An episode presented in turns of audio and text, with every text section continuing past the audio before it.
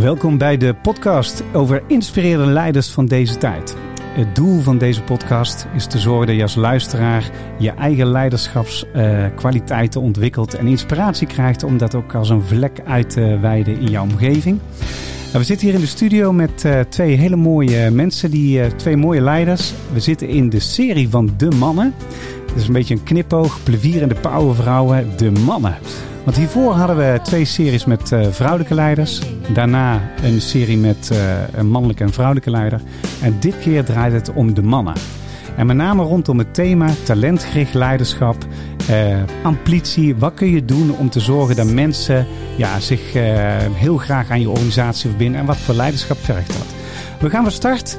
ik ga ze welkom heten en nou, ik zou zeggen heel veel plezier alvast bij het luisteren. Maiko, welkom uh, in de podcast. Dankjewel. Uh, stel jezelf eens even voor. Uh, we, gaan, we hebben een hele gave song overigens voor jou om dat dadelijk goed te doen. Maar even kort, wie ben je en wat doe je bij welk bedrijf? Ja, dankjewel. Leuk om hier te zijn. Ehm, mijn naam is Michael Valentijn. Ik ben CEO van Groep M. Dat is een media-strategisch adviesbureau. En wij geven advies aan grote adverteerders hoe zij het beste hun doelstellingen kunnen realiseren. Kopen we in, optimaliseren we die mediamix. Uh, en doen ook een uh, stuk uh, van de creatie van die campagnes. Ja. Um, en we hebben hier toevallig ook vlakbij een, vestiging. maar we hebben er drie in Nederland. In Eindhoven, Amsterdam en Sittard. En we zijn met iets meer dan duizend man. en werken voor ja, prachtige merken. Dat vind ik heel leuk om te doen. Ja, hey, en in, in, in, in, in de introductie die wij hadden. ja, ja, jij bent in die rol terechtgekomen. Ja. En ja, dus sinds kort in deze rol. Hè? En... Ehm, hoe kijk jij tegen leiderschap in de algemene zin aan? Je, nou, eigen, je eigen leiderschap, laten we het zo zeggen. mijn eigen leiderschap. Nou, mijn eigen leiderschap is misschien ook wel een reactie op uh, wat ik uh, in, de, in de zeg maar, 23 jaar daarvoor uh, ook heb meegemaakt in, in het werkende leven. Um, wat ook vaak toch wel een klein beetje teleurstellend was. Um, als je kijkt naar hoe mensen het, het, het, meeste uit een, een, groep mensen proberen te halen. Nou, ik probeer vooral mensen te helpen, te enthousiasmeren, te motiveren. Uh, te begeleiden, te coachen. Uh, op een manier dat we uh, gezamenlijk sterker en, en, succesvol zijn. Ja. En ik denk, als je wat ouder wordt, ik ben niet oud, maar ik ben geen 18 meer. Dan zie je ook dat je heel makkelijk de transitie kan maken van zelf op het podium, vooral andere mensen op het podium krijgen. En ik denk, het, het leukste en het gaafste vind ik aan leiderschap is als je ziet dat mensen voorbij hun eigen belemmeringen of de stappen die ze dachten te konden maken maximaal komen. En ehm, daar uh, boven zichzelf uitstijgen en op het podium staan. Wat voor podium dan ook. Ja, dat vind ik super gaaf. Gaaf. Hey, en jij hebt als uh, song heb jij uh, Sing Along. En dan moet je even voorlezen. Wie, wie is dat? Ja, Sturgill Simpson. Um, dat is een, een, een artiest die ik eigenlijk ook niet heel goed kende. Nee. Um, maar een, um, in het genre outlaw western. Je vroeg om een guilty pleasure. Ja. Het is natuurlijk niet een genre wat ik nou heel vaak luister, moet ik ja. eerlijk bekennen. Maar ik heb wel iets bijzonders met dit nummer, ja. Nou, laten we eens even naar luisteren ter introductie van jou als mens. Leuk.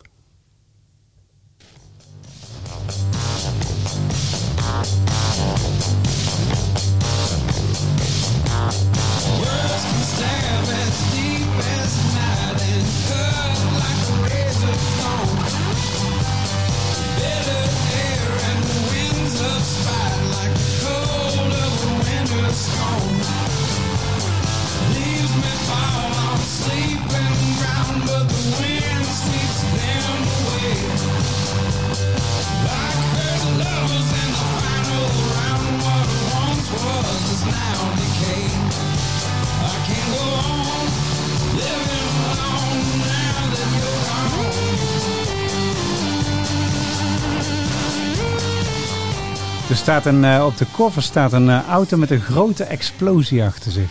Ja, het is heel bombastisch. Het is een beetje uh, Tarantino-achtige stijl als je naar de, de cover kijkt. Ja. Um, maar ja, nee, het is inderdaad niet iets wat ik heel veel in mijn genre zeg maar, zie passen. maar dit nummer dan specifiek wel. Ja, en hoe, hoe kwam je op deze song? Nou, um, in, in, in, relatie tot leiderschap. Um, een tijdje geleden deed ik een, een uh, assessment. En daar kwamen ze terug dat ik uh, een mate van uh, hoogsensitiviteit heb. En in een, rol die wij dan hebben, um, ja, ben je een soort spons de hele dag en zuig je een hoop emotie op. en die moet je kwijt. En mijn manier om mijn emotie kwijt te kunnen is op de mountainbike. Dus ik ga graag het, bos in. En gelukkiger word ik niet dan de dennennaalden ruiken in een zomers bos. Ehm, en dat doe ik met heel veel plezier. En dat is ook mijn manier om zeg maar, het gif van de dag eruit te krijgen. En ik heb een eh, jaar of twee geleden dan een, keer een behoorlijke klapper gemaakt op de fiets. en toen, toen ja, ik, ik, brak heel veel. Dus waardoor ik ook echt heel lang niet kon fietsen. Ja. En ehm, toen ik weer uh, langzaamaan een beetje op de fiets kon stappen, toen merkte ik dat ik bang was. Ik eigenlijk ook niet meer echt durfde en kon gaan. En dat ik in die, die tijd ook ja, de, makkelijke paden koos. Als ik weer een klein beetje op de fiets zat. Maar ik zat verkrampt, zat niet lekker en uh, helemaal pijn. En ik weet dat ik een Netflix film zat te kijken. Of iemand die zei, je moet die film eens een keer kijken over mountainbiken. Het is eigenlijk niet eens het nummer wat het hem deed. Ik denk dat beelden erbij. Het waren beelden van... Ehm, in dat soort films uh, zijn al een beetje goedkope producties. Want anders kost het heel veel geld om dure rechten af te kopen van bekende songs. Er zit vaak muziek bij die je niet kent. En ik zag die beelden van een paar uh, jongens die ergens in, uh, in Canada over een, een, paar jumps heen vlogen. die fietsen gingen over de kop, achterstevoren, binnenste buiten. Met een passie en een plezier. En dat stond deze muziek stond daaronder. En voor mij was dat op dat moment erg de trigger. Ja, volgens mij moet die rem er gewoon af. Je moet gewoon weer gaan. Je moet gaan doen wat jij erg leuk vond. Want dit geeft je zoveel rust. En ja, de plek waar je, zeg maar, de ellende die je als een soort remparachute de hele dag meeneemt. Van de emoties die op je, op je pad komen, voor wat dan ook, ook kwijt kan. En um, ja, daar is dit nummer voor mij exemplarisch voor. En het is, een, het is ergens gewoon een verdrietige liefdesliedje. hij is gefrustreerd over iets in het leven. Waarschijnlijk iemand die weg is bij hem. En, maar gaat mij niet eens om. Het gaat er het, opkrabbelen, wat ik eruit haal. En, ja. en weer doorgaan. En de, de beuk erin. En er zit gewoon lekker de beat in. En uh, ja, dat voelt gewoon heel lekker. Dus ik heb er een heel uh, warm gevoel krijg ik erbij. Ja, ik moet in één keer terugdenken aan... Ik ben ooit een keer in, uh, in Griekenland geweest. Aan, de, aan het begin van de relatie met mijn vrouw, zeg maar. En vroeger toen, uh, toen uh, zwom ik heel veel, maar deed ik ook heel veel van die dijkplanken afduiken. Weet je wel, de 3 meter, 6 meter, 10 meter plank. En dan gingen we echt op 10 meter zo hoog, doing, doing, doing. En dan zo salto's en achterstevoren en vlak bommetje voor de kant in elkaar en weet ik veel wat allemaal. Dus ik zeg tegen mijn vrouw, ik zeg uh, vroeger, toen ging ik altijd daar vanaf, jongen, dan ging ik ding, ding, ding. En ah, zeg ze, doe dan eens. Dus ik er daarheen zwemmen en ik ga die trap op. Ik kom op drie meter. Ik denk, waar waait het hier toch, joh? Weet je wel? Dus ik nog een stukje hoger. Zes meter. Dit is toch hoger dan ik me kan herinneren. ja, nog een stukje hoger. Ik denk, holy shit, ging ik hier voor, ja. Echt gewoon. En dan, en dan wel eraf gaan, maar eerst even springen. Gewoon even veilig. Even voorzichtig. Uh, nee, kijk, die salto's bij mij komen er ook niet hoor. Maar het is, uh, je, je, rem, naarmate je ouder wordt, wordt wel groter voor dat soort dingen. Ja, ja, en het is wel leuk om die, uh, om die rem zeg maar toch eraf te halen en toch vrij te gaan. Hè? Dat is een lekker gevoel. Ja, zeker. Ja. ja. ik heb dat heel erg nodig. Ja, nou snap ik helemaal. Hey Bas, en uh, welkom dat jij er ook bent. stel jezelf even kort voor wie jij bent en wat jij doet. Ja, dankjewel. mijn naam is Bas de Heurne. Ik ben binnen Atos Nederland commercieel directeur van de business unit die zich bezighoudt met digital security. Dat is een mond vol. Dat betekent dat we eigenlijk met een team in Nederland iedere dag ons best doen om Nederland digitaal veiliger te maken.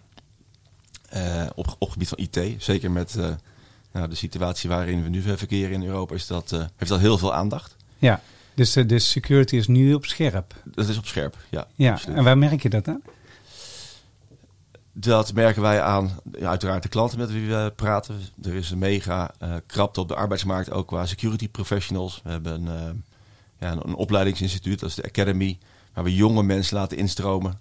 Omdat er gewoon een tekort is in, in Nederland. Dat is, uh, dat is gewoon bekend. Er zijn 5000 professionals in Nederland en er worden er 17.000 gezocht. Zo. Dus iedere, ik ben ook benieuwd bij Maiko, iedere bestuurder ligt er op zich wel wakker van.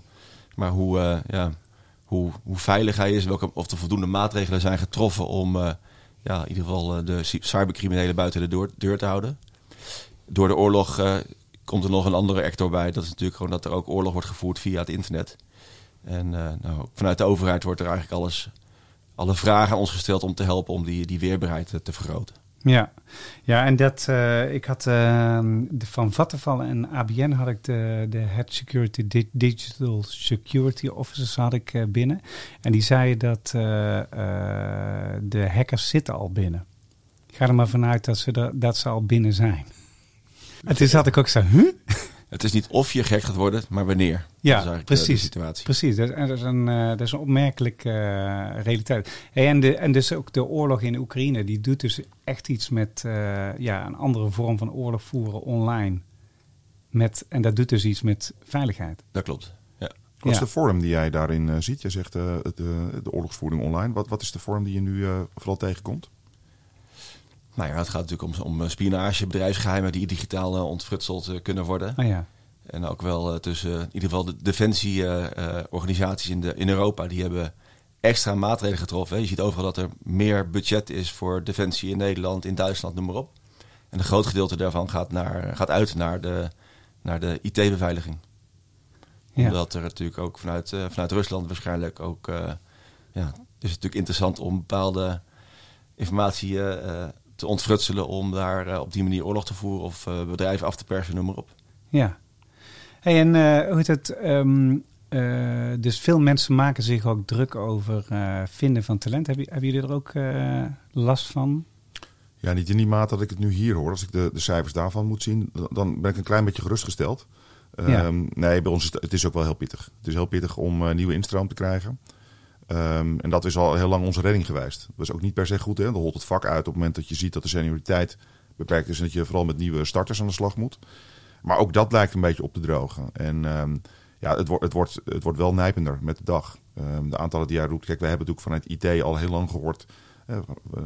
De afgelopen twintig jaar horen we denk ik al dat IT uh, schaars aan het worden is. Daar komt deze crisis dan bovenop, zeg maar, op de arbeidsmarkt. Dat is bij ons ietsje minder. Maar nee, het is wel, we hebben continu een uh, hele grote groep uh, vacatures openstaan. Ja. En dat is, ja, dat hebben we er nooit meegemaakt. Ja, en het is ook, het is allemaal oorzaak-gevolg, wat er een beetje plaatsvindt. Hè? dus je hebt natuurlijk een beetje vergrijzing, heb je natuurlijk, maar je hebt ook veel mensen die aan het shoppen zijn geweest, omdat ze hun werkgever niet leuk vonden of hun baan. En ze willen meer in zingeving gaan doen. Maar ook wel omdat uh, heel veel bedrijven niet zo goed zijn geweest voor hun personeel. Dus dan, uh, ja, dan denken ze, nou, laten we maar eens even gaan shoppen. Want uh, we kunnen ergens meer verdienen of beter of dat soort dingen. Ja, en als je het hebt over zingeving. Dus ja, door, de, door de pandemie veel mensen bewust zijn na gaan denken van... oké, wil ik dit nog wel? Of ga ik mijn toekomst op een andere manier organiseren? En ja. kan ik een bijdrage leveren bijvoorbeeld om Nederland digitaal veiliger te maken? Dus er is wel een grote groep mensen die aan het switchen is. Als ik kijk dus naar de academy die wij hebben, zijn het... Ja allemaal academisch geschoolde mensen die 1, 2 of 3 jaar werkervaring hebben. Maar dat zijn econometristen, geschiedenis, psychologie. Vanuit allerlei richtingen komen ze toch erachter dat ze het gaaf vinden om ook uh, op uh, digitale veiligheid een uh, rol te kunnen betekenen voor mensen en bedrijven. Ja, en ik denk dat dat ook de toekomst heeft, eerlijk gezegd. Hey, dan gaan we daar even op in, want we gaan het hebben over amplitie. Hè? Amplitie wil zeggen dat je consistent de goede dingen doet als leider in een organisatie om te zorgen dat welbevinden en het functioneren van uh, mensen gewoon optimaal wordt. En dat uh, begeeft zich altijd op vier gebieden. Altijd op bevlogenheid, op gezondheid, vitaliteit, op talentmanagement en ook hoe richt je dan werk zo in dat mensen ja, graag komen en graag werken en graag blijven en zich ontwikkelen. Hè. Dus daar gaan we daar eens even naar kijken. Dus helemaal goed. Hey, en jouw Guilty Pleasure song, dat, ja, volgens mij is het er echt een gouden ouwe. Dat is de Dancing Queen van ABBA. Dan gaan we eens even, we gaan even luisteren en dan, waar, heb je met een nummer? even benieuwd naar.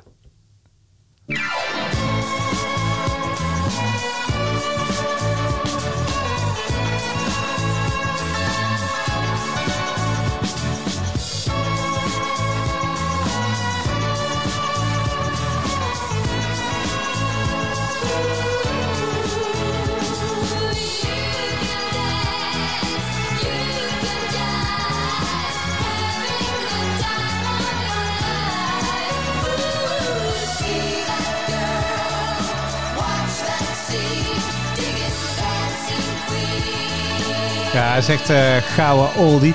En ik vind het zo leuk. Ik zag vorige week een documentaire over uh, de discotijd. Hè, dat dat de tijd van onbezorgdheid en flamboyante pakken. En je krijgt er gelijk een heel fijn, positief gevoel bij. Misschien wel hebben we dat een beetje tijd nodig in deze tijd. Hè? Van waar deze song, uh, Bas?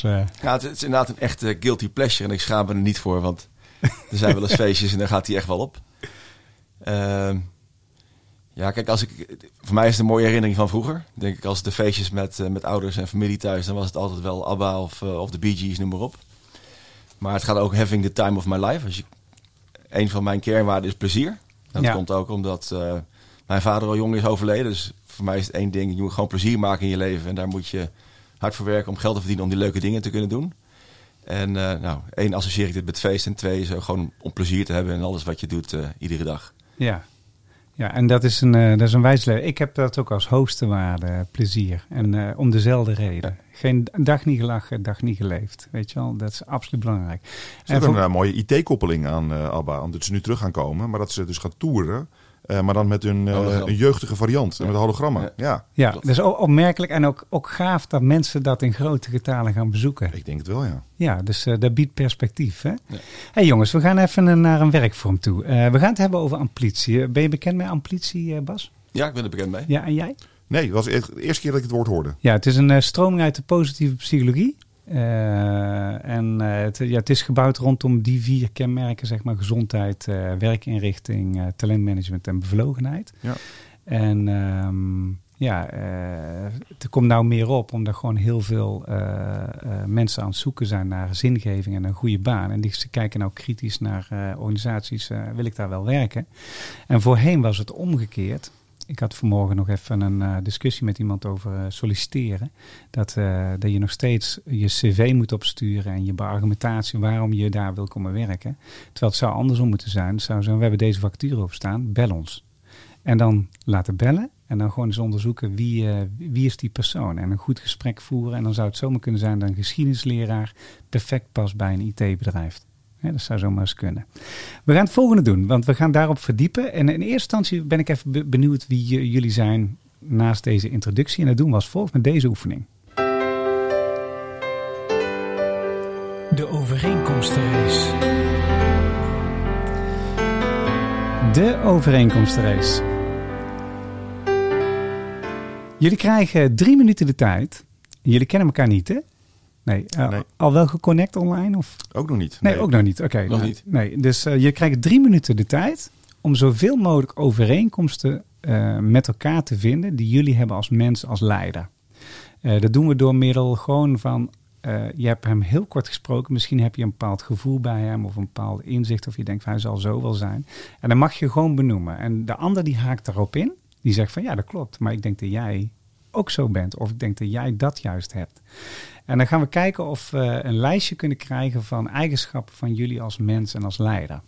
Dat is het doel. Klaar voor? Ik heb geen idee hoe het gaat, maar we gaan het ervaren. Ja, ja. Nou, het begint, uh, het begint eigenlijk uh, heel simpel. Ik, ik, doe altijd de eerste shot. Uh, jullie, jullie hebben altijd een duidelijk um, ja, doelgericht voor ogen wat je wil bereiken. Het zij in, in, innovatief of het zij met een duidelijk plan. Maar ik weet wel dat jullie allebei doelgericht zijn. Die krijg je alvast van mij. Ja, dat klopt. Ja, nee, dat, dat is zo. Ja. Uh, en, en, en, plezier viel mij op. Je, dat gaf jij net aan. Ja, dat klopt. Ik hoorde bij jou hoogsensitief. Ja, heb je ook? Nou, wel sensitief. En ook prikkels van altijd in ieder geval mensen naar zorgen dat ze op, op de plek zitten om hun dingen goed te kunnen doen. En ze empoweren. Ja, uh, kwetsbaarheid denk ik ook. Je vertelt net al meteen over je vader. Ja. Ja, nou, dus, ja dat is ook wel echt iets wat ik, uh, wat ik graag doe. jezelf laten zien. En dat deed hij ook met zijn ongeval en wat dat heeft gedaan. Klopt. Dus we hebben doelgerichtheid, plezier, hoogsensitief, empoweren, kwetsbaarheid. Ja, ik hoorde net uh, een voorbeeld in de, zeg maar de, voordat we begonnen over het los, kunst wat loslaten. Ja, zeker. Van uh, loslaten dat mensen overal hun werk kunnen doen en wat zij zijn aan het doen. En het vertrouwen hebben dat ze dus verantwoordelijkheid nemen. Ja, vond ik heel lastig. Um, maar leer ik onwijs in, in bij. Ook door de corona inderdaad. Ja, dus als je, als je deel opdeelt, zeg maar, hoe gaan jullie om met teams? Wat zou jullie overeenkomstig hebben als je teams aanstuurt? wat zij, of talenten aanstuurt? Nou, ik denk zo, maar dat er een enorme nuchterheid zit in ons allebei. Veel uh, vrijheid. Vrijheid, zeker. Vrijheid willen geven. absoluut. Zelf, uh, zelf-supporting. En nuchterheid zit er dus ook in bij allebei? Ja, als ik naar mezelf kijk, ben ik wel nuchter. Maar het is doelgerichtheid die... Uh, als, als het me wel met het doel te maken heeft. Ja, ja. ja. dus er moet wel een doel aan zitten. Zeker. Nee, doelgerichtheid. Uh, ik probeer altijd meteen ook dingen op te lossen. Ik heb wel de neiging om dan uh, dingen ook niet uit handen te willen geven. Omdat ik denk, ik vind, ik wil een soort ontzorgen. Dus ik moet het ook dan helemaal afronden. Om mensen het leven makkelijk te maken. Ja, heb je dat? Dat herken ik wel. Dat is een valkuil, vind ik. Uh. Ja, het is niet een ja. sterktepunt. Nee. Het is een, uh, dat is denk ik de combinatie van een soort zacht leiderschap. Enerzijds wel directief willen zijn in de richting. Maar ook voor mensen dingen willen oplossen. En dat gaat heel moeilijk samen. Ja, dat is eigenlijk de, de helper ja. willen zijn. Terwijl je natuurlijk ook gewoon een team hebt met professionals met kennis die, die het juist zelf kunnen doen. En beter. Ja. ja. Ja, heel mooi, een goede lijst. Hey, en als, als, als, um, als je kijkt naar uh, hoe jullie het aankijken tegen ontwikkeling, wat denk je dat je overeenkomstig hebt met elkaar? Nou, wat ik hoorde net, uh, het voorbeeld wat uh, in, um, in de intro van, van Bas naar voren kwam, was het echt over um, de talenten een, een, plek geven. Die, die, die, die, nieuwe talenten vanuit Purpose een plek geven om ook de toekomst van het vak te mogen bepalen. Nou, dat, vind ik een, ja, dat is absoluut iets waar ik ook enorm voorstander van ben. Ja. En jij? Ruud van Nistelrooy komt hier volgens mij vandaan. Ik kun je goed onthouden. Je hoeft niet ziek te zijn om beter te worden. Ah, Die heb ik wel onthouden. Dus iedere, Ja, iedere dag kan je, kan je leren van je fouten. En eh, als je iedere dag een procentje beter doet, dan eh, heb je een hele hoop vooruitgang. En dat is ook een beetje het motto voor, eh, voor het team. eh. hey, en zijn jullie allebei standvastig? Eh, ik wel. niet altijd. Niet altijd. In, en in welk geval niet? Maar bij standvastigheid denk ik aan eh, eh, eh, blijven bij je standpunten. Ja. Ik kan wel overtuigd worden om het toch anders te doen. eh. En jij? Moeilijker, denk ik. Maar ik, ik blijf vooral heel erg bij mijn principes. En niet per se bij mijn standpunten, maar wel bij mijn principes. En ehm, mijn standpunten zijn dan misschien ook minder eh, vast. Maar mijn, mijn principes zijn wel heel belangrijk. En als daar getornd wordt, dan gaan bij mij eh, soms wel eens alarmbellen af. Ja, dat herken ik ook. Dus dat, dat zou ik ook zeker zeggen. Dat ik ook voorbeelden heb dat ik heb geleerd van dat soms moet je van je principes eh, afwijken Ja. om verder te komen. Ja, ja. En dus, dus je moet ook flexibiliteit hebben. Ja. Ja, dan pak ik graag terug op eh, Van Nistelrooy. Eh, dat klopt. Kijk, weet je, dat, dat, daar kan ik ook zeggen wel in, in leren. Eh, en, en soms, en dat is ook de plek dat je dan als leider hebt, word je wel bevestigd in de gedachte dat je dus toch om die reden in de rol zit. En dat je bepaalde principes toch wel heel erg moet vasthouden. Omdat als ik de hele dag naar iedereen moet luisteren, ja, dan komen we nooit tot richting. En, en dat is vind ik een moeilijke balans te vinden. Ik heb Ja. daar niet altijd de ideale vorm in gevonden nog. Nee, dat is ook, eh, dat is ook heel interessant, want eh, misschien is die er ook wel niet. Misschien is het per situatie, per timing, per mens, per team, per nou, whatever, is dat eh, afhankelijk. En daar, Hey. hebben, daar hebben mensen hebben daar ook behoefte aan dat je dus, hè, dus principes hebt. Maar dat je ook, eh, bijvoorbeeld als het over strategie gaat, dat je er ook naar acteert. Ja, je dus, kan zeggen dat je strategie hebt, maar niet doen. Het doen Nee. maakt het juist het verschil. Ja. Ja. En, eh, eh, want als je dus, je- ik hoor jullie zeggen, doelgericht, plezier, hoogsensitief, empoweren, het ontzorgen van anderen versus het helpen van anderen. eh, daar kan het nog wel best wel eens een, eh, eh, een struggle soms zijn, om daar de balans in te vinden. Talent en plek geven, kwetsbaarheid, kunst van loslaten, vertrouwen, vrijheid, nuchterheid, ook een bepaalde nuchterheid erin hebben. Directief zijn versus helpen, directie geven, richting geven versus helpen. Misschien nog wel opportunisme. Opportunisme, heb je, ja. Ja. heb je, heb je daar... eh, We vertel kwamen hier binnen, we hadden alleen maar over kansen volgens mij die we zagen. Dus, ja, dat eh, klopt, ja, is, eh, ja, ja. Maar dat herken ik ook wel als ik met jullie eh, de gesprekken terugdraai. Dat zit erin. Ja. Dus kansen, oplossingen signaleren, mogelijkheden zien, eh et cetera. En met name als het een doel heeft of een richting en het is nuttig. Wat ik ooit eh, meegenomen heb uit eh, de biografie van Steve Jobs. En eh, niet dat ik me met hem wil vergelijken. Dat is eh, op geen enkele wijze eh, terecht namelijk. Maar wat ik er wel uitpikte is iets wat ik heel erg herkende. Was eh, het hoofdstukje over de reality distortion syndrome. Waarin hij gewoon weigert te kijken naar wat er daadwerkelijk op tafel ligt. Want Ja. als je dat doet, kom je niet verder. En hij heeft een soort uh, oké, ik hoor dat het allemaal niet kan. Maar toch kan het. En dat is iets wat, wat ik heel erg eh, heb. En daar worden mensen soms knettergek van. Maar je ziet wel dat als mensen erin slagen dat er een soort trotsheid eh, ontstaat over wat ze dan hebben bereikt. Ja. Ja. dat vind ik echt heel gaaf. Maar dan moet je wel ongelooflijk stond eigenwijs willen blijven zijn. En dat, ja, dat heb ik dan wel. Ja, ja, mooi man. Hey, en eh, even kijken, want ze hebben een onderzoek gedaan naar servant leadership. Eh, dat is een van de leiderschapstijlen. Maar je hoort hem nou heel veel gewoon puur omdat uh, tekort aan talent is en het vergt een andere vorm van leiderschap. En dan hadden ze de eigenschappen van leiderschap op een rijtje gezet. Hè. De servant leadership die heeft als kenmerk dat hij luistert, dat hij empathisch is, dat hij goed communiceert, open is, makkelijk toenaderbaar, uh, makkelijk in feedback geven, ontvangen. Uh, er zit een bepaalde wederkerigheid in naar zichzelf, het team, de organisatie en misschien wel het grotere geheel. Hè. Dus uh, ik hoor dat bij jullie ook een beetje terugkomen, zeg maar, in, de, in het beginverhaal, wat jullie vertelden allebei. Uh, geeft duidelijk wel soms de richting aan de koers. Kan daar echt wel standvastig in zijn, maar als het flexibiliteit nodig heeft, dan varieert hij mee. En hij creëert communities. Dat zijn de, de eigenschappen van een servant leader. Uh, in eerste instantie, uh, in welke mate denk je dat jij, dat jij die eigenschappen in je hebt? Ja, het is natuurlijk heel gek om over jezelf te gaan uh, zeggen, want je geeft jezelf een soort rapportcijfer. Pas je dan bij de eigentijdse stijl? Ja. Maar in alles wat je zegt, uh, denk ik wel dat ik mezelf uh, herken. En op sommige zaken heel erg. En op sommige zaken denk ik, nou, daar mag ik nog wel een stap maken. Uh, maar in de basis is dat wel hoe ik naar de wereld kijk. Ja. ja. en het is natuurlijk niet zo dat servant leadership overal uh, van toepassing is. Hè? Want als er nood aan de man is, dan moet je gewoon sturing geven en zorgen dat het uh, schip de goede kant op gaat varen. Soms moet je ingrijpen. Nou, je moet continu die stip aan de horizon die je bepaald hebt, ja. gewoon heel duidelijk terughalen. Hè? Wat, wat, wat ik net ook hoorde, het punt over je moet leveren op de strategie die je belooft. Ja. Nou, dat is wat je continu moet blijven doen. Want als je in de waan van de dag meegaat, dan verlies je die koers heel makkelijk. En de rol van, van leider is wel om die koers heel erg vast te blijven houden. Ja. Ehm, en soms moet je ook echt naar links varen om rechts uit te komen. Dat mag. als je maar bewust bent waar je heen gaat. En, ja, en, en daartussen kan alles. Ja, en, en ehm, eh, hoe doe je dat binnen? Uh, want jullie hebben best wel wat challenges in de, allebei. Hè? In, in de maatschappij gebeurt zoveel en het gaat zo knijtersnel. De, hoe, hoe, hoe zorg je ervoor dat je wel die stip op de horizon in ogen houdt en toch, want soms moet je misschien de stip verplaatsen of niet?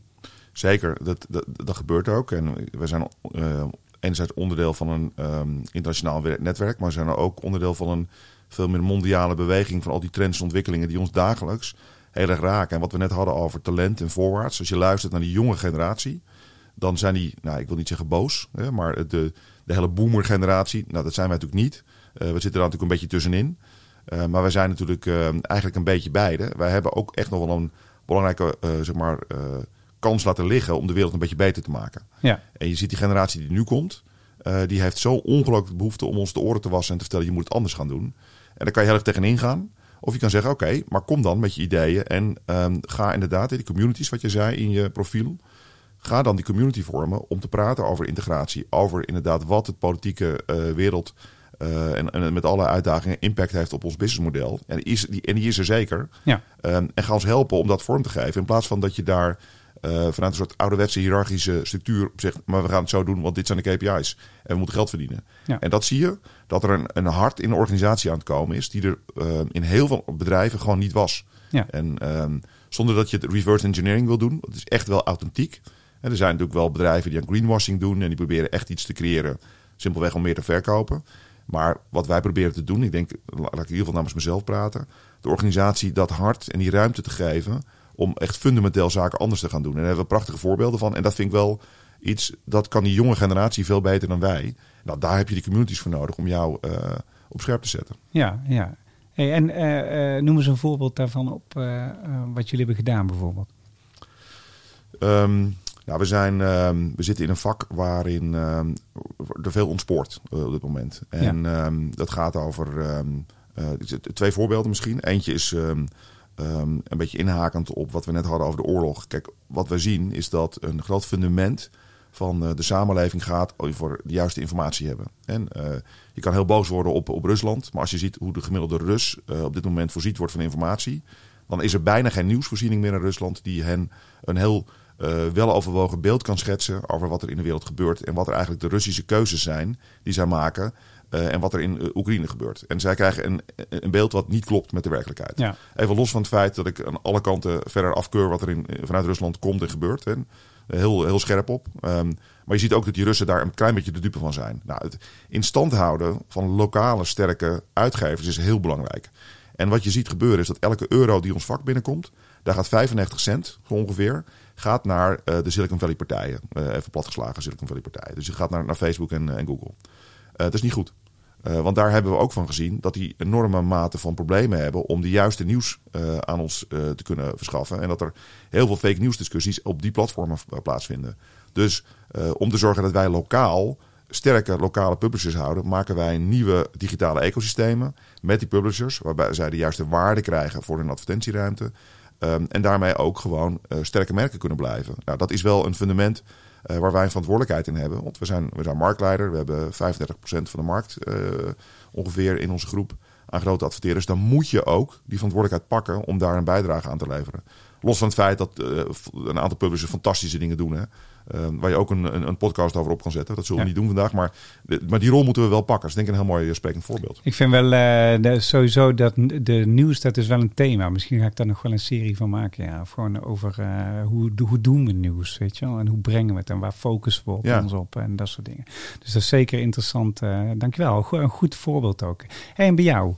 Hoe, uh, hoe, uh, hoe creëer jij standvastigheid en koers uh, binnen de functie die je hebt? Ja, bij jou, bij jou ja, de IT-wereld ook, dat gaat zo snel. Dat wat gisteren is, was eigenlijk gistermiddag al uit. Is al uit, klopt. Ja. ja, dan misschien eerst even terug. Nou, ik ben 1 januari gestart bij Atos. Ja. Ik ben daar naartoe gegaan omdat Atos vorig jaar een kleiner bedrijf heeft gekocht. Ja. Dat bedrijf heette Motive. Dus Motive was, had een bedrijf met 170 medewerkers echt entrepreneurship. Dat is een ondernemerscultuur. En die worden in één keer onderdeel van Atos, wat een corporate bedrijf is. Er werken in Nederland 2800 mensen, wereldwijd 110.000. Dus dat is iets ander, anders besturen dan een, dan een, dan een kleine, kleine zelfstandige. Dus de reden dat ik daarheen ging, is dat ik het, leek mij cool om in ieder geval uh, van, van een samengesteld gezin één high performance team te maken. Dus dat was, uh, dat was de reden dat ik daar naartoe ben gegaan. Dus ik heb de mensen samengevoegd, samengebracht. En gewoon afspraken gemaakt. Okay, hoe gaan wij één high performance team worden? En wat, wil, wat willen we dat onze reputatie is? Hoe gaan we samenwerken? Wat is de bijdrage die we gaan leveren aan eh, zeg maar, de strategie van de organisatie? En dat zorgde al voor ontzettend veel dynamiek. Al heel snel bleek dat het helemaal geen samengesteld gezin was. Dat, het, dat, we, dat we er een team van konden maken. En daardoor een, ja, een kleine community binnen het grotere Atos konden creëren. En dat was ook de bedoeling. Ik wilde het meest succesvolle, proactieve, voorspelbare team zijn binnen het grotere, grotere Atos. Dat is heel inspirerend als je dat uh, neerzet als uh, leider. Ja, dat was eigenlijk ook de opdracht aan het team. Van jullie gaan daaraan meewerken. We gaan het met z'n allen doen. Uh. Ja. En ik sta daartussenin. Ja. Um, nou, in je eerste honderd dagen ga je natuurlijk ook andere mensen spreken. Dat echt netwerken binnen een groot bedrijf. En al snel begreep ik dat ja, iedereen niet van elkaar wist waar ze mee bezig waren. Van welke successen worden er nou gevierd. Niet alleen maar commerciële successen. Maar ook ja, projecten die worden opgeleverd certificaten die werden gehaald, uh, nieuwe medewerkers die we hadden verworven. Dus ik heb toen uh, eigenlijk geïntroduceerd dat we succes in de spotlight zetten. Dat doen we iedere vrijdag in, uh, in de middag. In het begin was dat vooral digitaal en nu hybride. Straks hoop ik gewoon volledig weer fysiek. Waarin je gewoon stil moet staan en iedereen het woord moet geven. En dus de, het podium moet geven om ook daar blij te zijn met wat je als organisatie bijdraagt aan de strategie. En dat zorgt voor trots. Ik denk dat het trots een hele belangrijke reden is om voor bedrijven te blijven werken. Dat je trots bent op wat je met elkaar aan het doen bent en wat, wat de visie is. En dat je daar uh, als medewerker dus onderdeel van uit mag maken. Ja, dat geloof ik ook. Maar dan kom je heel erg op uh, waardes hè, van mensen. Als je trots bent op uh, een, een systeem of op een organisatie of op een team dan heeft dat vaak te maken dat je waarden en de dingen die je doet heel erg kloppen met hoe je zelf het liefst werkt. Of, of denk je daar anders? Nee, dat ben ik helemaal met je eens. Wij willen ook een, great place to work zijn. Of zelfs beter dan dat, een best place to work. Er is een bedrijf die dat, uh, dit onderzoekt. En die, zegt, die geeft ook richting van, joh, aan die knoppen moet je draaien om ervoor te zorgen dat mensen zich nog meer, meer uh, verbonden voelen met het bedrijf. Ja. En uh, trots is, daar, is er daar eentje van. Ja, gaaf. Ja. Supergoed. Hey, we gaan, we gaan eens naar jullie, jullie verhaal. dus ik laat jullie dadelijk vertellen. Uh, ten aanzien van nou, dit hoofdthema amplitie, van hoe kijk je daar zelf tegenaan als mens, als leider? En welk verhaal wil je erover kwijt? Dus je, je, krijgt de gelegenheid gewoon om te vertellen wat je eigenlijk het liefste zou willen overbrengen tijdens deze podcast. Dat is de deal. That's alright. I'm gonna take you higher. That's alright. I'm gonna take you higher. Your story.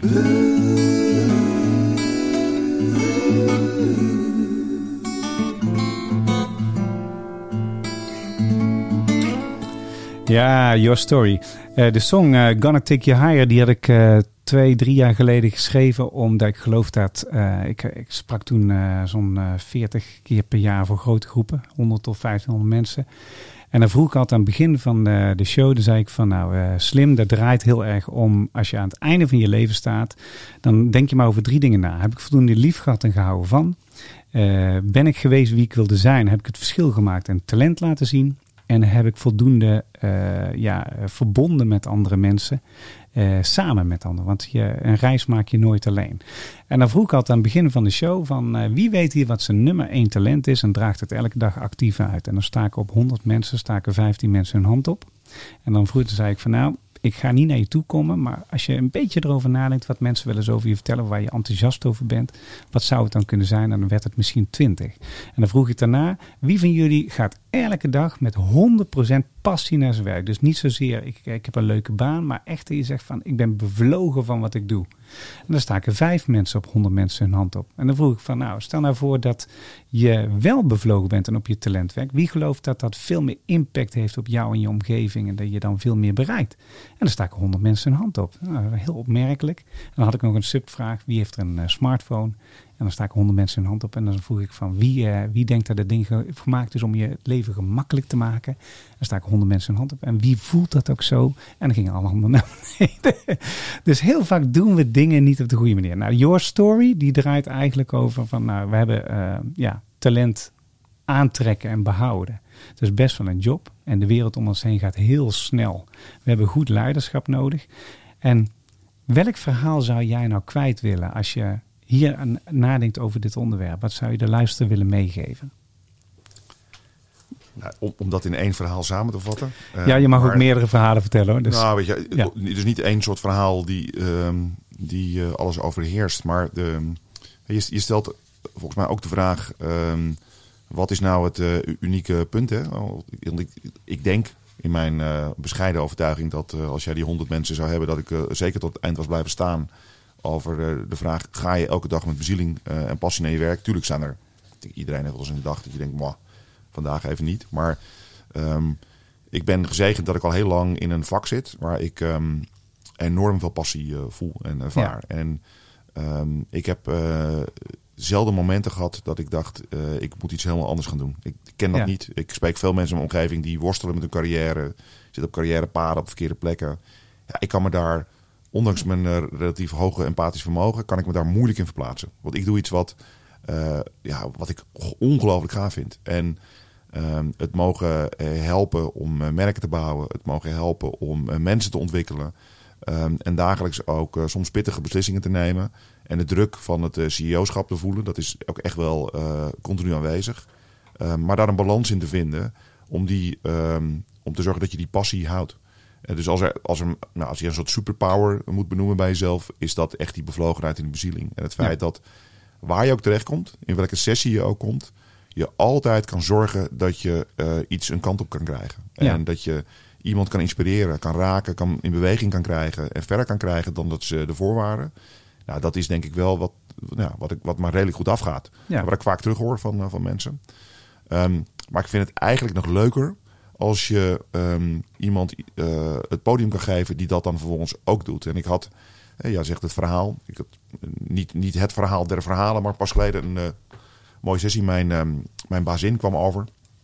Zoals het in een modern netwerk zit. we zijn een Londen gedreven organisatie.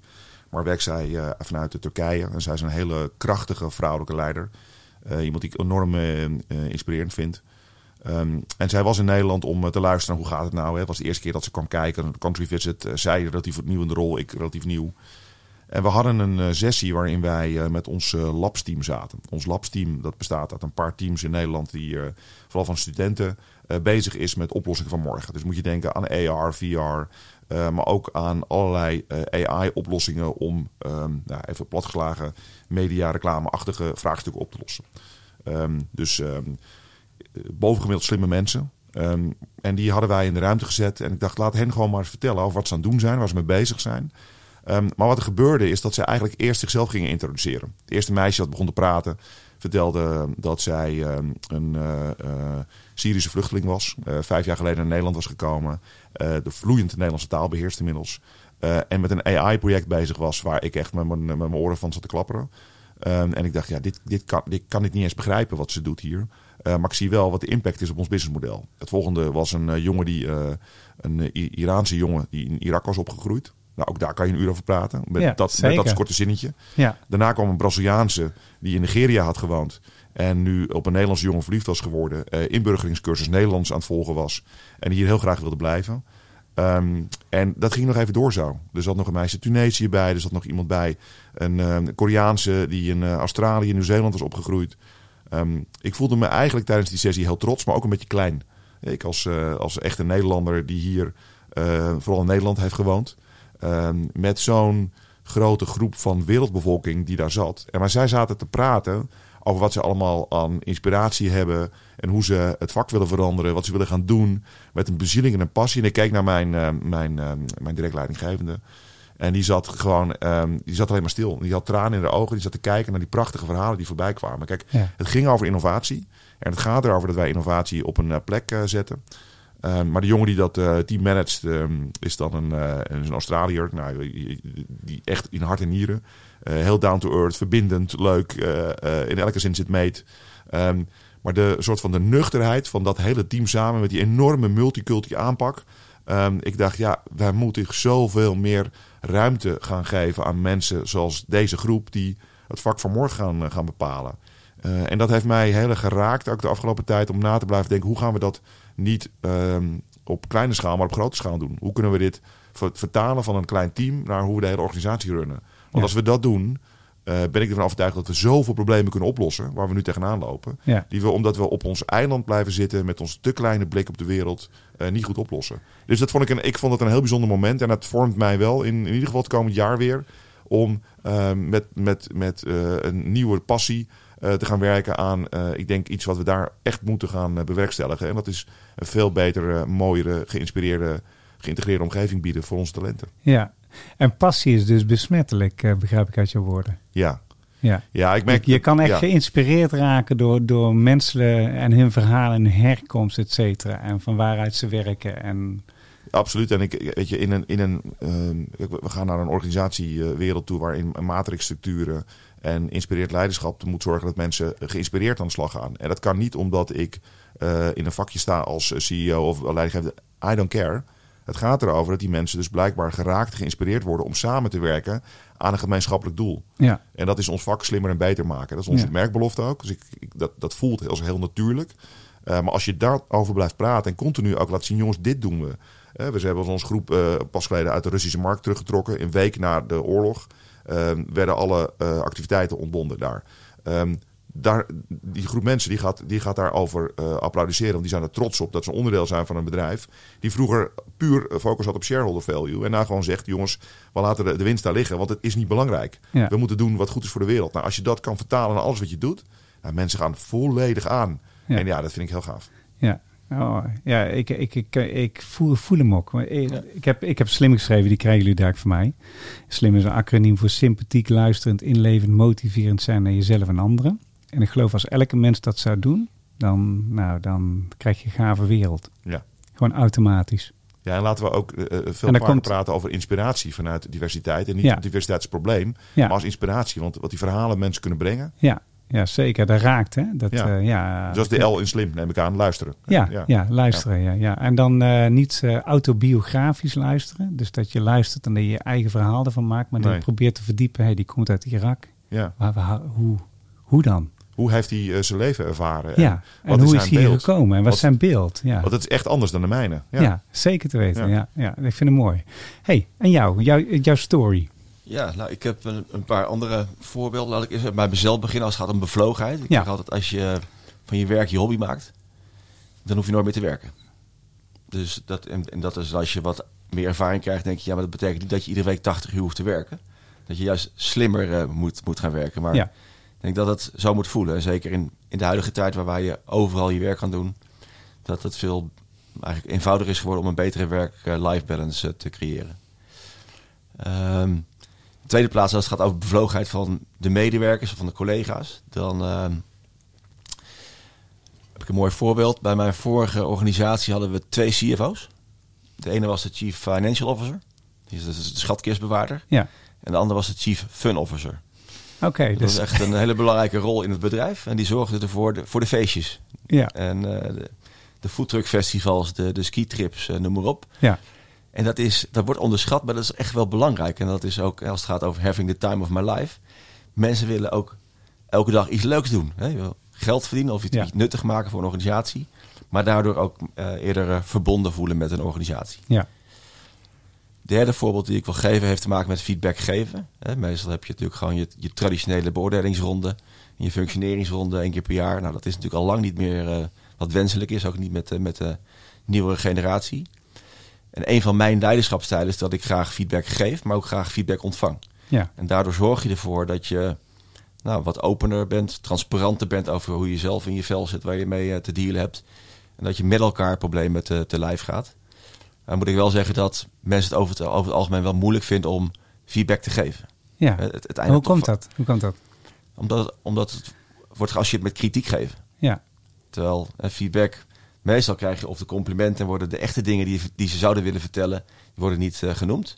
En daarom is het belangrijk dat je ook mensen helpt om te vertellen hoe kan je nou gewoon op een constructieve manier eh, feedback geven. ja, Want dan kan je ook als, als mens en als organisatie en als team kan je daar bovenuit groeien. En zorg je voor de verbinding. Eh, en, die, en die transparantie en openheid zorgen dus voor de, de uiteindelijke bevlogenheid van, de, van de medewerkers. Ja. Ja, en het is ook van, ze zeggen wel eens, word do change minds. Hè? Dus als je de manier hoe je het vertelt, dat, dat bepaalt heel erg hoe het aankomt natuurlijk. Maar je ziet in de maatschappij, het is een van de meest aangevraagde trainingen nog steeds. Hè? De feedback geven aan elkaar. Dat schijnt de mensen enorm moeilijk te vinden. En als je, als je kijkt natuurlijk van op jouw vakgebied en ook eigenlijk op jouw vakgebied ook. Mensen die kunnen online van alles zeggen zonder enkele vorm van verantwoordelijkheidsgevoel naar zichzelf en anderen, weet je wel. En, Vreselijk. ja, dat is echt uh, destructief gewoon. Ja, het is zelfs zo dat bedrijven waarin iedereen elkaar of continu of consequent feedback geeft, die zijn uh, aantoonbaar succesvoller dan andere bedrijven. Ja. Dus ik geloof er heilig in dat je met elkaar moet afspreken hoe doe je dat, wanneer doe je dat ja. en waarom doen we dat. Uh. Ja, mooi. Ja. En de laatste, als het gaat om het binden en boeien, zeker met de war for talent, is moeilijk om enerzijds de juiste talenten te vinden en anderzijds uh, wordt wel eens vergeten dat je heel veel aandacht moet geven om mensen te behouden vooral. Ja, zeker. Ja. Zijn er uh, ja, natuurlijk uh, manieren om, om te binden en te boeien. We hebben, ik heb een Future Leader programma geïntroduceerd om in ieder geval de, ja, de, de talenten ook opdrachten, of opdrachten geven om zelf met een opdracht te komen voor wat zou jij nou doen of zouden jullie doen als je de CEO van dit bedrijf was. Om daarmee ja, gewoon complexe vraagstukken die die CEO zelf ook niet altijd kan oplossen. Om die als groep beet te pakken en die zeg maar, te alignen ook met de cultuur van het bedrijf. Ja. Er zijn vier dingen die ik uh, heb ervaren. Denk, nou, dat werkt. Het zorgt ook aantoonbaar voor dat, die, uh, nou, dat de tevredenheid omhoog gaat en ook de bevlogenheid van, uh, van het team. ja, mooi. Ja, ja dus, dus klinkt als amplitie ten top. Ja. Er is iets ja. moois uitgekomen al uit, uit het team. CEO voor een dag idee? Uh, ja, goed. Een van de opdrachten die, uh, die, ik heb gegeven had te maken met, uh, met het verhogen van medewerkertevredenheid. Want wat, wat voor het ene team belangrijk is, is voor het andere team weer minder belangrijk. Ja. Toen hebben we ze dus eigenlijk een dwarsdoorsnede van het bedrijf hebben we die opdracht gegeven. En daar kwamen ze zelf eigenlijk ook niet uit. En heel veel dingen hebben te maken met communicatie en uh, initiatieven die door worden uh, opgestart om die ook af te maken en daarover te communiceren. En ook soms een moedige beslissing te nemen om ergens mee te stoppen als het niet werkt. Uh.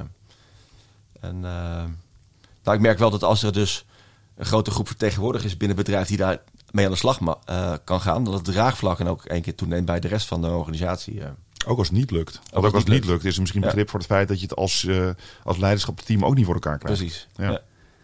Ja, en dat is, is een van de dingen natuurlijk hè, in het leven is uh, als je fouten maakt, dan zeggen we wel je, je mag fouten maken, maar uh, zowel op individueel niveau als op uh, organisatieniveau, dan hebben veel mensen er toch moeite mee om ze te maken.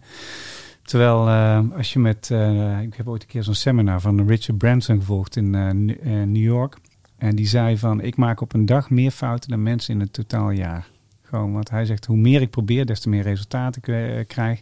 Hoe meer resultaten ik krijg, des te beter weet dat ik weet welke route ik naar slecht resultaat let en welke naar goed. En dan weet ik sneller waar ik uh, heen moet gaan. Dus hij zegt, ik gun mensen meer proberen, meer gaan. Eigenlijk gas geven, zoals jij het zei. Nou, en als leider ook uh, de fouten ook vieren. En Ja. dan gewoon op het podium gaan staan. Jongen, jongen, wat ik vorige week deed. Nou, dat werkte echt niet. Ja, en wat doet dat? Wat doet, doet, dat? Nou, het, is- het, is- het is natuurlijk, ehm, als het een beetje gênant is, dan is het ook wel eens leuk. Hè? Het is Ja. ook wel een beetje vermaak. Ja. Ehm, nee, maar het zorgt ervoor dat je, ik denk, je, je niet lead by example. Je moet zorgen dat je mensen laat zien eh, dat je ook in een omgeving werkt waarin het oké is om fouten te maken. Ja. En dat je dan ook vooral laat zien, wat doe je dan vervolgens met de lessen? En hoe ben je ermee omgegaan? Hoe open en eerlijk ben je erover? Ehm, maar als je als leider de hele dag vertelt wat je fouten zijn, ja, ik denk dat ze dan misschien een verkeerd beeld krijgen. Maar er moeten genoeg mensen, momenten zijn om die mensen wel mee te krijgen. En jongens, ik weet het ook niet altijd. En soms probeer ik het gewoon. Ja, ik vind dat kwetsbare vind ik ook een belangrijke van deze tijd. Ik las vorige week een, eh, een onderzoek van McKinsey. Daar zei ze dat eh, de huidige CEO's van deze tijd hebben 40 tot 70 contactmomenten nu nodig om een nieuwe baan te krijgen. En dat komt natuurlijk omdat er veel kritischer wordt gekeken. Terwijl vroeger was het drie, vier en ze waren er al.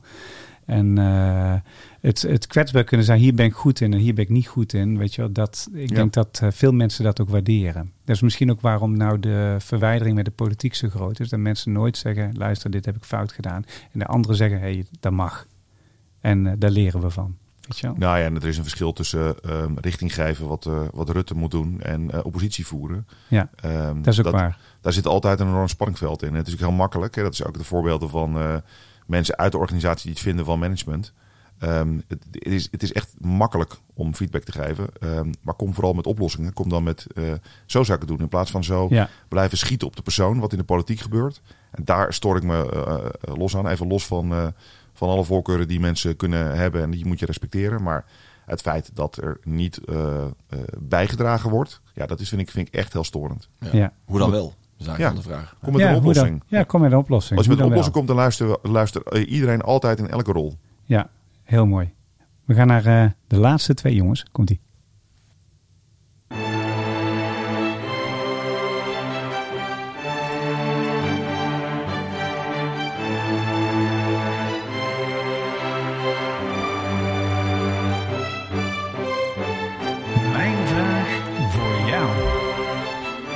Mijn vraag voor jou.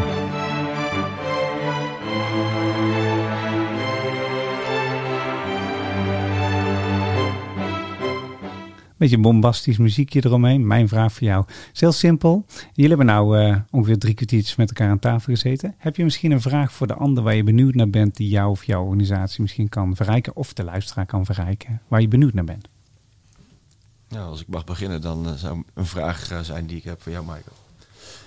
Van, je hebt natuurlijk een visie, je hebt een strategie. Eh, maar het gebeurt natuurlijk wel eens dat het niet snel genoeg gaat of dat het niet gaat zoals je zelf had bedacht. Hoe ga je daarmee om?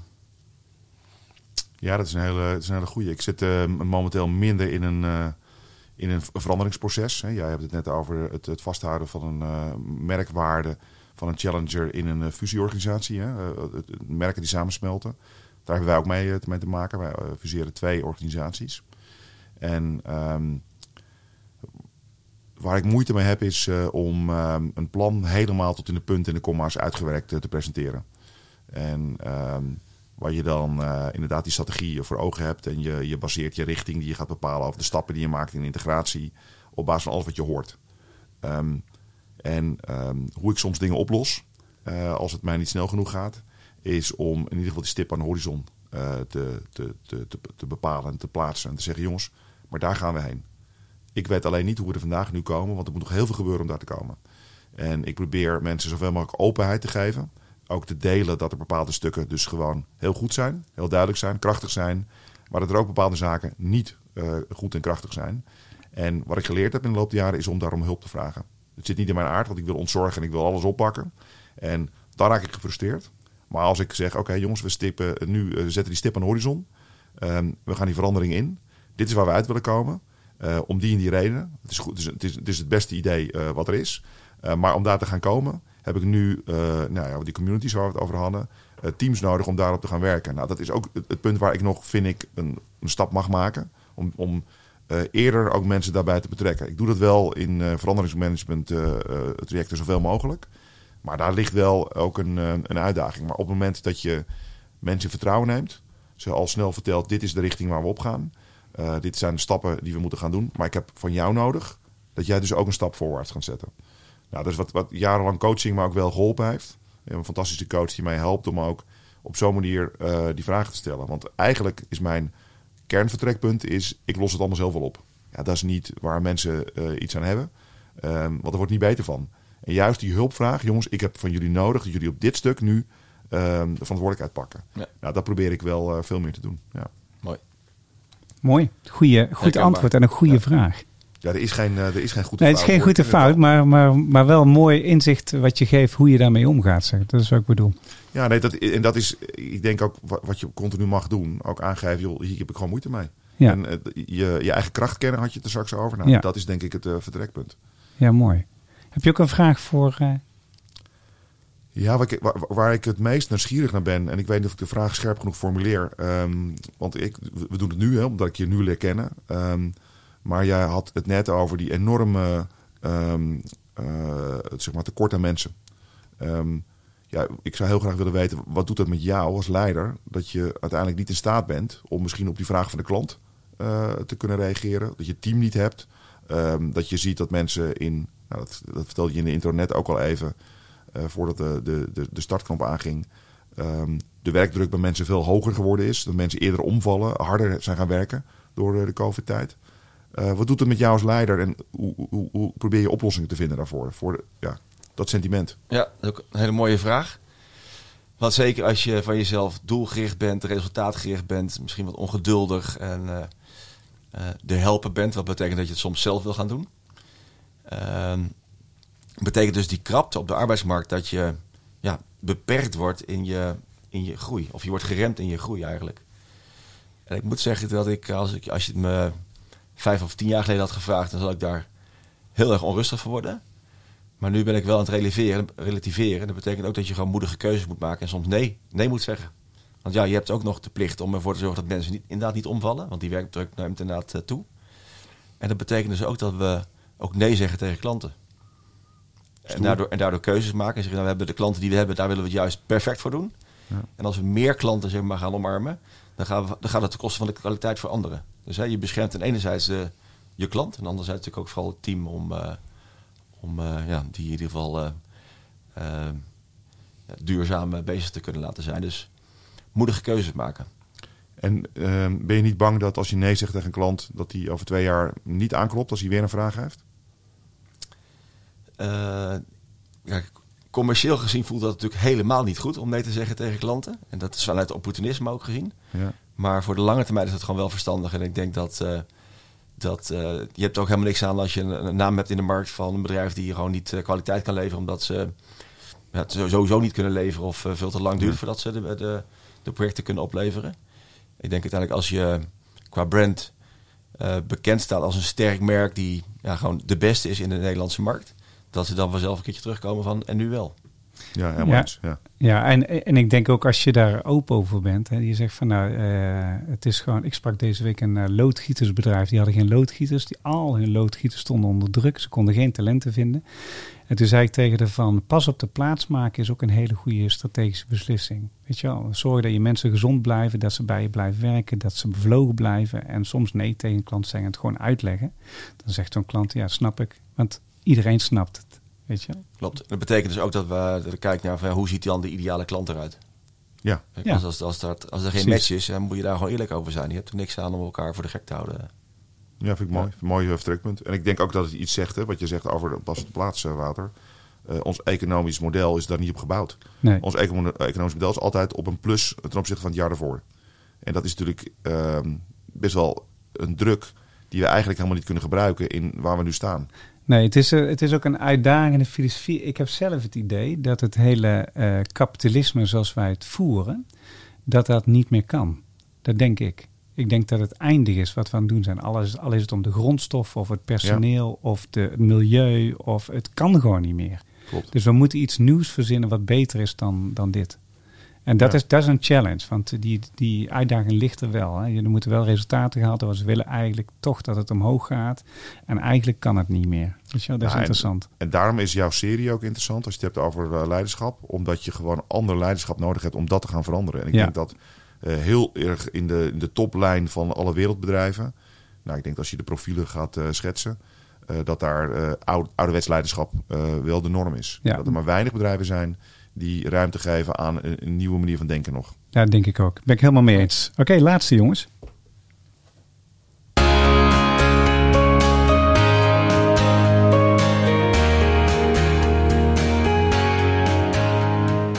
Ik geef de stok door aan.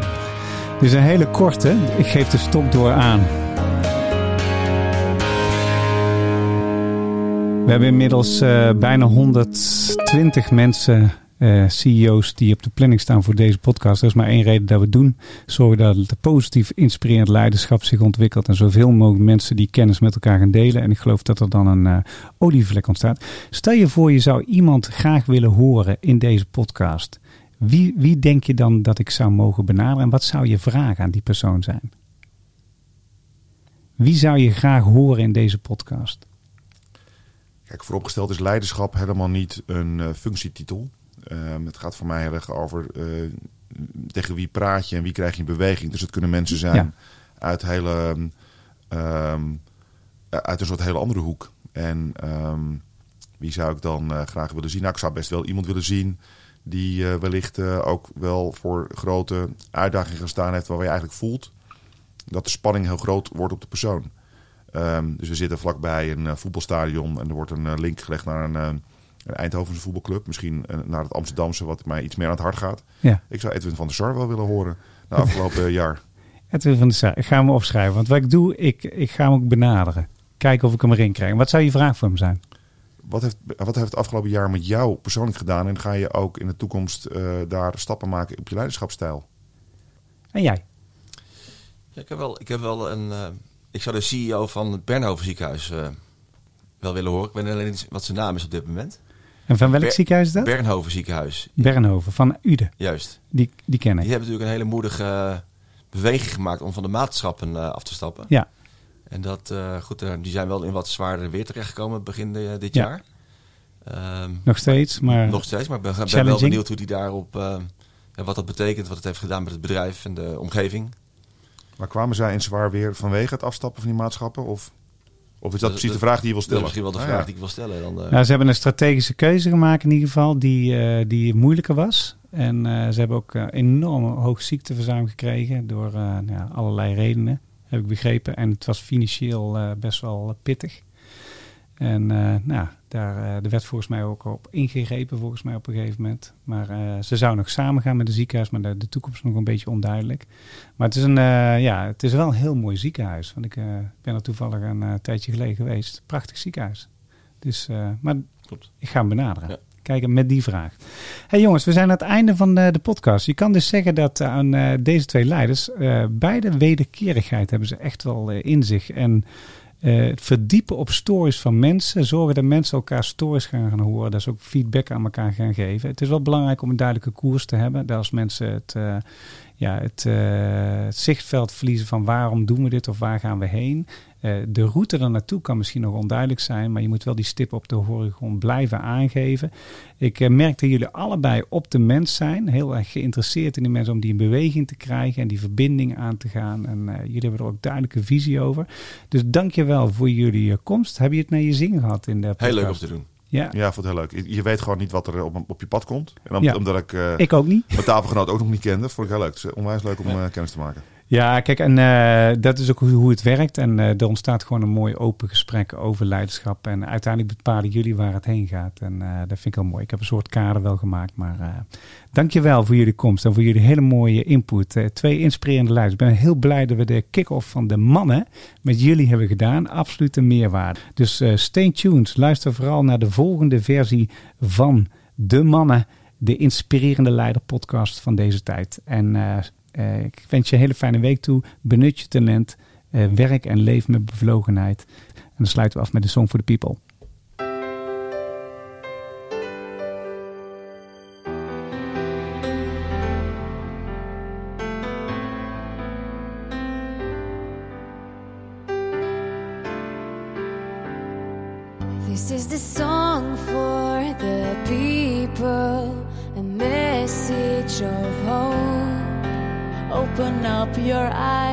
Look to the sky.